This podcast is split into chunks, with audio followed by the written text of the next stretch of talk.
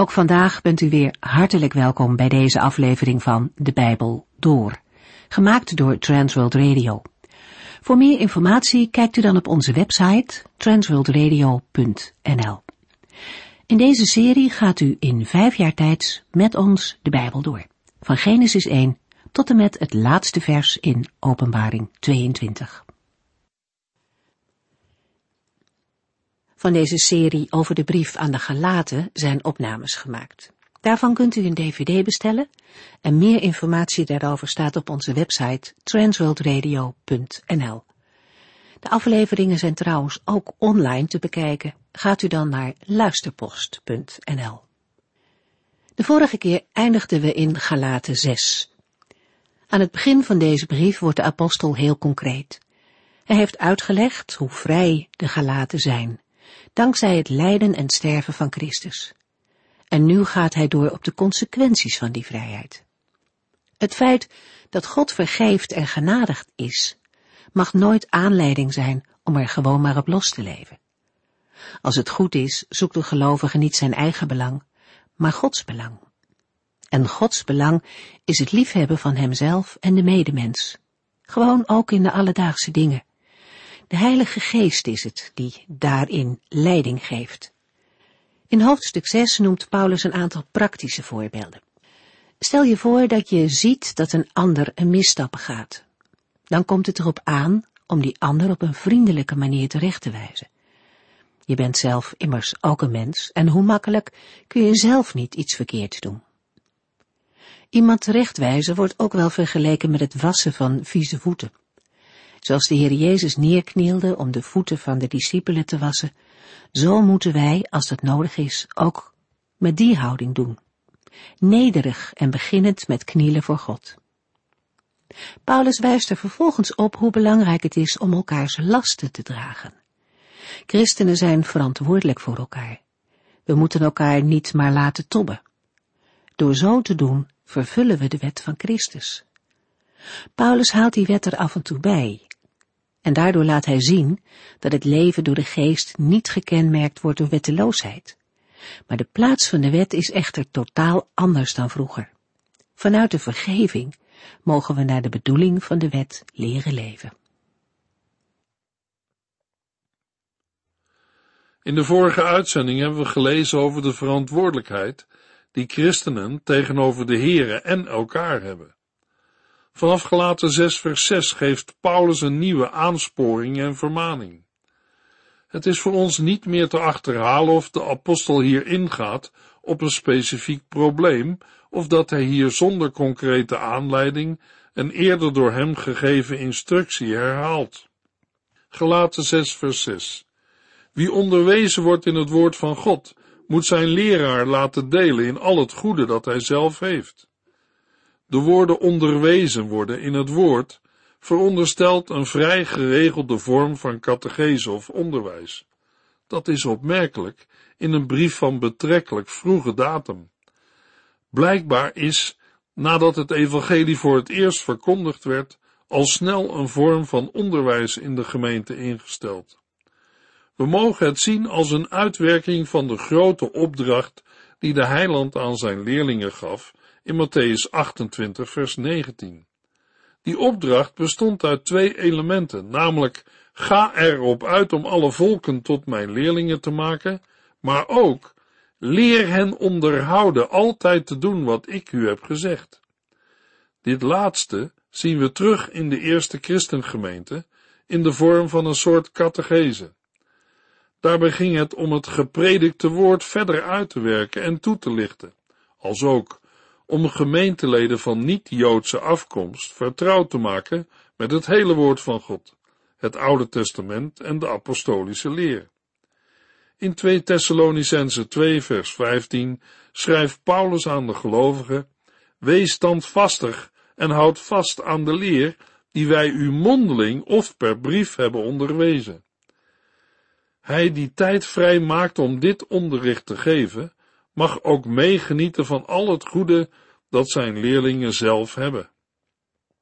We moeten dan denken aan een financiële of in elk geval een materiële of stoffelijke vergoeding, in overeenstemming met het werk en de tijd die het de kategeet of leraar kost. Het is al een bevel van de Heer Jezus zelf in Lucas 10 vers 7. Daar zegt de heiland, wanneer je in het dorp komt, ga dan niet van het ene adres naar het andere. Blijf logeren in hetzelfde huis en eet en drink wat je wordt voorgezet. Een arbeider moet zijn loon hebben. Hoewel Paulus zelf in een aantal gemeenten bewust geen aanspraak op een vergoeding heeft willen maken, legt hij er wel regelmatig de nadruk op. Gelaten 6 vers 7 Maak uzelf niets wijs, God laat niet met zich spotten. Wat iemand zaait, zal hij ook oosten. De waarschuwingen die nu volgen in de versen 7 tot en met 10 moeten we niet alleen betrekken op vers 6, maar ook op de vermaning van Gelaten 5 vers 26, niet hoog opgeven over jezelf, en Gelaten 6 vers 1 en 2, vriendelijk terechtwijzen en het dragen van elkaars moeilijkheden en problemen. Deze zaken moeten niet te licht worden opgevat. Het concrete van Gelaten 5 vers 25, het zich in alle opzichten door de geest laten leiden, lijkt misschien een bijkomstigheid, dingen die alleen de onderlinge verhouding in de gemeente betreffen, maar wie ze zo opvat, misleidt zichzelf. De oproep maak uzelf niets wijs, geeft de ernst van de zaak aan. In 1 Corinthians 6 vers 9 en 15 vers 33 gebruikt Paulus dezelfde woorden. Met deze woorden geeft hij aan dat wie deze zaken niet serieus neemt, het koninkrijk van God niet zal beërven. Immers, onszelf of anderen kunnen wij misschien nog bedriegen, door de indruk te geven dat we ons door de Heilige Geest laten leiden. Maar God laat niet met zich spotten. Spotten? Ja, de Heere wordt bespot, niet serieus genomen, als we ons afsluiten voor de Heilige Geest, die Hij ons geschonken heeft. En we ons leven niet door Zijn Geest, maar door het eigen ik laten bepalen. In Gelaten 5 vers 21 was daarvan de consequentie het niet ontvangen van het Koninkrijk van God. In Gelaten 5 vers 10 krijgen de onruststokers hun verdiende loon. Wie het ook is, zij moeten straf dragen. In Gelaten 6 vers 7 wordt dezelfde waarschuwing uitgesproken in de vorm van een voorbeeld uit het dagelijkse leven. Het is een onveranderlijke wet die op alle terreinen van het leven van toepassing is. Als een boer mais inzaait, zal hij mais oogsten. Niemand zal zich daarover verbazen. Nu laat de Bijbel zien dat dit niet alleen geldt voor een concrete situatie in de landbouw, maar voor het hele leven. Ieder mens zal de vrucht oogsten van dat wat hij heeft gezaaid. Wie niet naar de concrete vermaningen wil luisteren en daarmee de Heere bespot, zal ook dien overeenkomstig oosten. In de Bijbel vinden we een aantal voorbeelden van mensen die dit aan de lijve hebben ondervonden. Een van hen is Jacob. We kunnen zijn geschiedenis lezen in Genesis 27 tot en met 29. Jacob misleidde zijn vader Isaac. Hij deed zich voor als zijn broer Esau en misleidde daarmee zijn halfblinde vader. Rebecca, zijn moeder, had op een dag een gesprek afgeluisterd tussen Isaac en Esau. Daarin had Isaac tegen Esau gezegd, neem je boog en je pijlen en schiet een stuk wild voor mij. Maak het klaar en breng het hier, zodat ik ervan kan eten. Daarna zal ik je als mijn oudste zoon zegenen, nog voor ik sterf. Als Rebecca dit tegen Jacob heeft verteld, geeft ze hem de raad om Esau voor te zijn, zodat Isaac Jacob zal zegenen in plaats van Esau. Nadat Jacob zijn vader had misleid, komt Esau terug. Als hij ontdekt wat er is gebeurd, reageert hij verbitterd. Geen wonder dat ze hem de bedrieger noemen. Eerst nam hij mij mijn eerstgeboorterecht af, en nu heeft hij mijn zegen ook nog gestolen. Esau wil Jacob doden als zijn vader Isaac is gestorven. Daarom moet Jacob vluchten en woonde een aantal jaren bij zijn oom Laban. Het lijkt erop dat Jacob met zijn oneerlijke praktijken de dans is ontsprongen, Maar dan blijkt ook in zijn leven de waarheid van de woorden, wat iemand zaait, zal hij ook oogsten. Wat is Jacob dan overkomen? Hij werd verliefd op Rachel, de jongste dochter van zijn oom Laban. Hij moest zeven jaar werken om haar te krijgen. Maar na de huwelijksnacht blijkt Laban hem bedrogen te hebben met zijn oudste dochter Lea. Jacob kreeg zijn trekken thuis. Een ander voorbeeld vinden we in 1 Koningen 21. De geschiedenis van Agab en Izebel en hun complot om de wijngaard van Nabot in handen te krijgen. Agab wil graag Nabots wijngaard hebben. Omdat die wijngaard dicht naast het buitenpaleis van Agab ligt, wil hij er graag een moestuin van maken. Maar Nabot wil de wijngaard niet verkopen, het is familiebezit, hij heeft het geërfd van zijn vader. Agab gaat kwaad en teleurgesteld terug naar zijn paleis. Als hij alles aan zijn vrouw heeft verteld, vraagt Izebel ironisch, ben jij nu de koning van Israël of hoe zit dat? Sta op, eet wat en maak je geen zorgen meer. Ik zal zorgen dat je Nabots wijngaard krijgt. Izebel smeet een complot en neemt gewoon wat ze wil. Ze laat Nabot terechtstellen op verzonnen beschuldigingen en uiteindelijk neemt Agab de wijngaard in bezit. Nu dachten Agab en Izebel dat ze wel met deze gruwelijke daad zouden wegkomen, maar ze hadden niet met de Heere gerekend. God stuurde Elia naar hen toe met een boodschap. Is het vermoorden van Nabot nog niet erg genoeg? Moet u hem ook nog beroven? Omdat u dit hebt gedaan, zullen de honden uw bloed oplikken, net zoals zij Nabots bloed hebben opgelikt. Elia is gekomen om de vloek van de Heer over Agab en zijn huis uit te spreken. Ook Agab en Izebel zijn een voorbeeld van wat iemand zaait, zal hij ook oogsten. Ook een gelovige kan hiermee worden geconfronteerd. Ook als een mens zich heeft bekeerd tot de Heere en zijn zonden zijn vergeven, kan hij of zij de gevolgen merken van een leven in zonde en zonder God. Ik herinner me het getuigenis van een evangelist die voor zijn bekering alcoholist was. Hij was uitgenodigd om in een evangelisatiebijeenkomst te spreken. Op een avond na de bijeenkomst gingen de medewerkers aan de campagne nog ergens iets drinken. Er werd van alles besteld, maar de evangelist bestelde alleen een glas water. Een aantal gasten plaagden hem met zijn bestelling. Een paar anderen vroegen naar de reden. Zijn antwoord zal ik niet snel vergeten. Toen de Heere mij een nieuw hart gaf, heeft hij mij helaas geen nieuwe maag en lever gegeven. Dit is de prijs die ik door eigen schuld moet betalen voor de jaren die ik drinkend heb doorgebracht. Ook dit is een voorbeeld van wat iemand zaait, zal hij ook oogsten.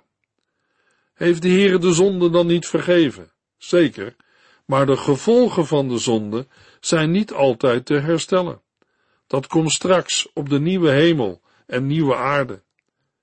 Hiermee verbonden is het feit dat gelovigen, die van jongs af aan zijn opgegroeid met de Bijbel en het geloof in Jezus Christus, soms de worsteling hebben dat ze hun eigen persoonlijk getuigenis niet krachtig genoeg vinden. Het is menselijk gesproken niet spectaculair, niet bijzonder en zo heel gewoon. Het wordt niet uitgezonden via de media, je komt er niet mee in een praatprogramma en een krant of een tijdschrift kan er ook niets mee. Als je naar hen luistert, dan lijkt het net alsof ze liever in de goot van het leven hadden gelegen. Dan hadden ze na hun bekering tenminste iets te vertellen. Toch is dat een verraderlijke valkuil en een leugen van de bovenste plank. Hoezo? De Heere heeft u heel uw leven bewaard en gezegend met ouders die hem kennen. Ze hebben daarbij ook fouten gemaakt, dat zal ik direct toegeven. Maar ze hebben u ook verteld van de Heer Jezus, voorgelezen uit de Bijbel. En ook als je geen zin had, aangemoedigd om naar de kerk te gaan en tot God te bidden. Het heeft allemaal meegeholpen om u aan de voeten van de Heer Jezus te brengen en Hem te aanvaarden als uw persoonlijke heiland en verlosser, Soli Deo Gloria. En u had liever in de goot gelegen?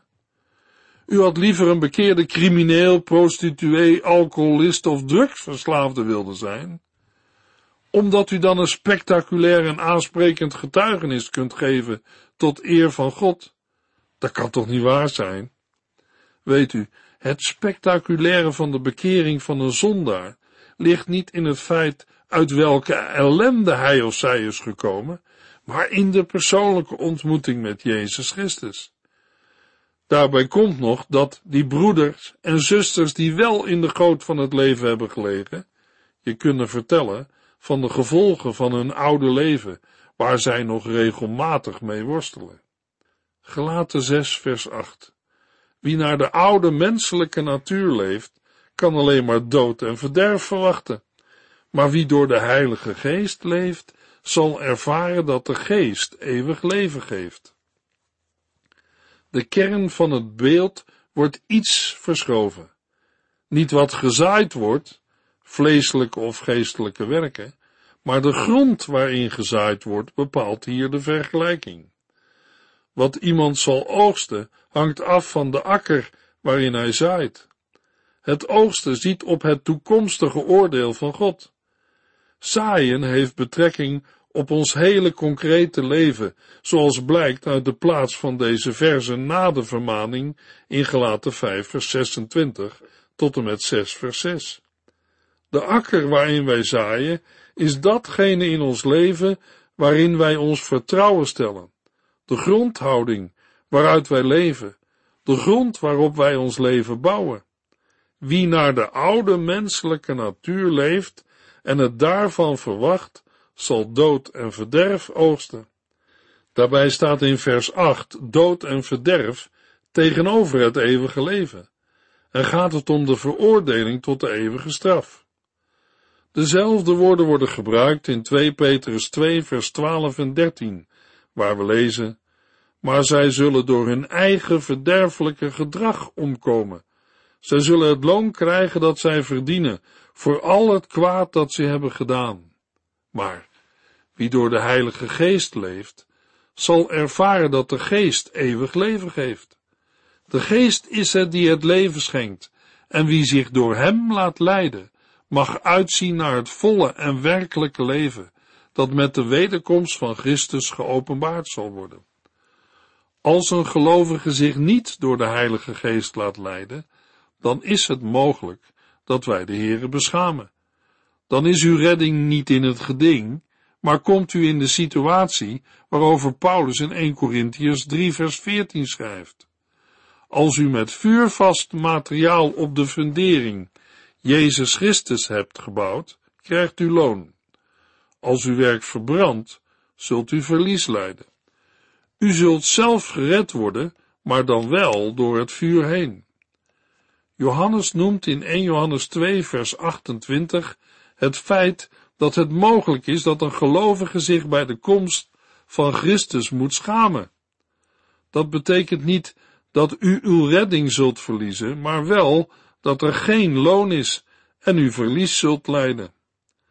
Paulus blijft in 1 Corinthians 3 nog bij de beeldspraak van het bouwwerk, waarvan de kwaliteit van de bouwmaterialen op de dag van de wederkomst door middel van vuur worden getoetst en vastgesteld. Er zijn dan twee mogelijkheden. Of het werk dat iemand op het fundament Christus heeft gebouwd blijft, of het verbrandt. Het is duidelijk dat alleen goud, zilver en edelsteen niet door het vuur worden aangetast. Dan stelt Paulus zonder beeldspraak vast dat op de dag van de wederkomst van de Heer Jezus zal blijken of het onderwijs dat bepaalde leraren hebben gegeven in Gods ogen de toets van de kritiek kan doorstaan of niet. In het eerste geval blijkt dan dat er werkelijk een bijdrage is geleverd aan de opbouw van de gemeente. In dat geval krijgt de gelovige loon. In alle andere gevallen leidt hij verlies. De gedachte van loon vormt geen tegenstelling met het principe van genade. Het gaat in 1 Corinthians 3 bij het loon niet om de rechtvaardiging of het behoud, maar om iets extra's, zoals blijkt uit vers 15. Er wordt over dit loon niet veel gezegd in het Nieuwe Testament, maar bij loon kunnen we ons voorstellen wat we lezen in 1 Corinthiërs 4 vers 5. De Heere zal iedereen de eer geven die hem toekomt. In een van de gelijkenissen van de Heer Jezus, in Matthäus 25, komen we dezelfde gedachte tegen. Verder geeft het al een dankbare voldoening als het levenswerk van een gelovige in Gods ogen waardevol is geweest. Ten slotte is er ook in de heerlijkheid die de gelovigen bij de komst van de Here zullen ontvangen, blijkbaar een bepaald verschil. Gelaten 6 vers 9. Laten we nooit ophouden met goed doen, want na verloop van tijd zullen wij de zegen ervan oogsten, als we het tenminste niet opgeven. De waarschuwing en vermaning van de apostel eindigt in een aansporing, een bemoediging met de belofte. In vers 9 noemt Paulus de inhoud van het leven dat door de Heilige Geest het spoor houdt. Paulus zegt, laten we nooit ophouden met goed doen. De Heilige Geest bepaalt wat goed is. Dat is niets anders dan de wet of de wet van Christus vervullen. De Heilige Geest is geen nieuwe gezagsinstantie buiten Gods eerdere openbaring om. Integendeel, Hij verbindt ons met de Vader. Hij is de geest van Christus, ja, God zelf. Met twee woorden roept Paulus op te volharden. We zullen de zegen oogsten als we niet opgeven en niet verslappen. Met nadruk wordt onze eigen verantwoordelijkheid onderstreept.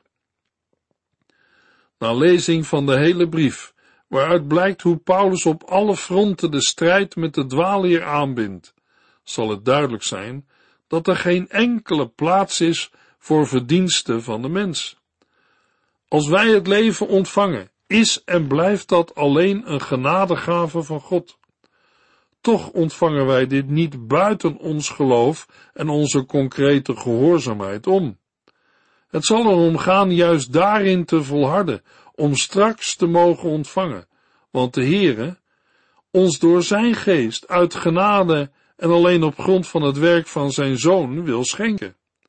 Laten we nooit ophouden met goed doen, want na verloop van tijd zullen wij de zegen ervan oogsten, als wij het tenminste niet opgeven. Een zaaier moet altijd wachten tot de tijd van de oogst, voordat hij kan maaien. Daarvoor is geduld en volharding nodig. Het geldt voor veel dingen, maar zeker voor geestelijke zaken. We kunnen vandaag problemen en moeilijkheden hebben. Dat zou kunnen betekenen dat de gedachte kan opkomen, laten we er maar mee stoppen. Nu moedigt de apostel Paulus ons aan om dat niet te doen. Laten we nooit ophouden met goed doen, want na verloop van tijd zullen we de zegen ervan oogsten, als wij het tenminste niet opgeven. Luisteraar, blijf maar gewoon het woord van God zaaien. Daarvan heeft de Heere beloofd in Jesaja 55 vers 10 en 11, zoals de regen en de sneeuw vanuit de hemel naar beneden komen en op de grond blijven liggen om de aarde water te geven, het koren te laten groeien, zaad voor de boer en eten voor de hongerige te produceren, zo is mijn woord ook. Ik stuur het uit en levert altijd vrucht op. Het doet alles wat ik wil en bereikt datgene waarvoor ik het wegstuur. Gelaten 6 vers 10 Daarom moeten wij altijd, als we daarvoor de gelegenheid hebben, voor iedereen het goede doen, in het bijzonder voor onze medechristenen. Een algemene aansporing vormt de afsluiting van Paulus' oproep om door de Heilige Geest het spoor te houden. De woorden voor iedereen het goede doen heeft hier, net als in Gelaten 5 vers 22, vooral betrekking op onze houding tegenover medemensen. Als gelovigen hebben we de plicht, zonder onderscheid, vriendelijk en zachtmoedig te zijn tegenover iedereen. Dat geldt het allermeest voor hen die het dichtst bij ons staan. Het woord medechristenen of geloofsgenoten wijst naar de gelovigen als één groot gezin. Het woordje altijd wordt genuanceerd met de woorden als we daarvoor de gelegenheid hebben. Er komt een tijd waarin dat niet meer het geval is, namelijk als Christus terugkomt. Het Grieks voor gelegenheid laat zien dat de tijd waarin wij leven niet met een oneindig doorgaande lijn getekend kan worden. Dat we niet alleen aan de tijd van Christus wederkomst moeten denken, wordt duidelijk uit 2 Korintiërs 6 vers 2 en 3. Want God zegt, op het goede moment verhoorde ik uw gebed. Op de dag van redding kwam ik u te hulp. Dat goede moment is nu aangebroken en het is nu ook die dag van redding. Wij leven zo dat niemand door onze houding van de Heere wordt afgehouden. Zo kan van ons werk geen kwaad gesproken worden. Prachtig dat Paulus met gelaten 6 vers 10 hierbij aansluit bij 2 Korintiërs 6. Daarom moeten wij altijd, als we daarvoor de gelegenheid hebben, voor iedereen het goede doen, in het bijzonder voor onze medechristenen. Gelaten 6 vers 11. U ziet aan de grote letters dat ik dit zelf schrijf. Zoals Paulus vaker doet, schrijft hij zelf het slot van de brief. Hier is het meer dan alleen een eigenhandige groet. Paulus onderstreept in de slotzinnen nog eens de ernst van de situatie in de gemeente van Galaten. Maar daarover meer in de volgende uitzending. Dan lezen we Galaten 6 vers 11 tot en met 18.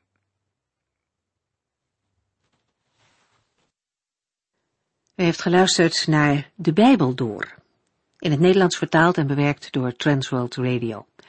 Een programma waarin we in vijf jaar tijd de hele Bijbel doorgaan.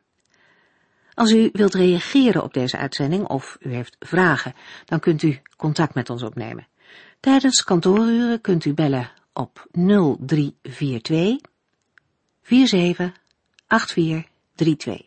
0342 47 8432. Ook kunt u een e-mail sturen naar de Bijbel door transworldradio.nl en natuurlijk kunt u ook via de post ons bereiken. TWR, postbus 371, postcode 3770, AJ in Barneveld. Dit programma werd gepresenteerd door Cor Weda en Ike André. Techniek was in handen van Odin van Voorkom. En wij allemaal bedanken u voor het luisteren. Graag tot de volgende keer.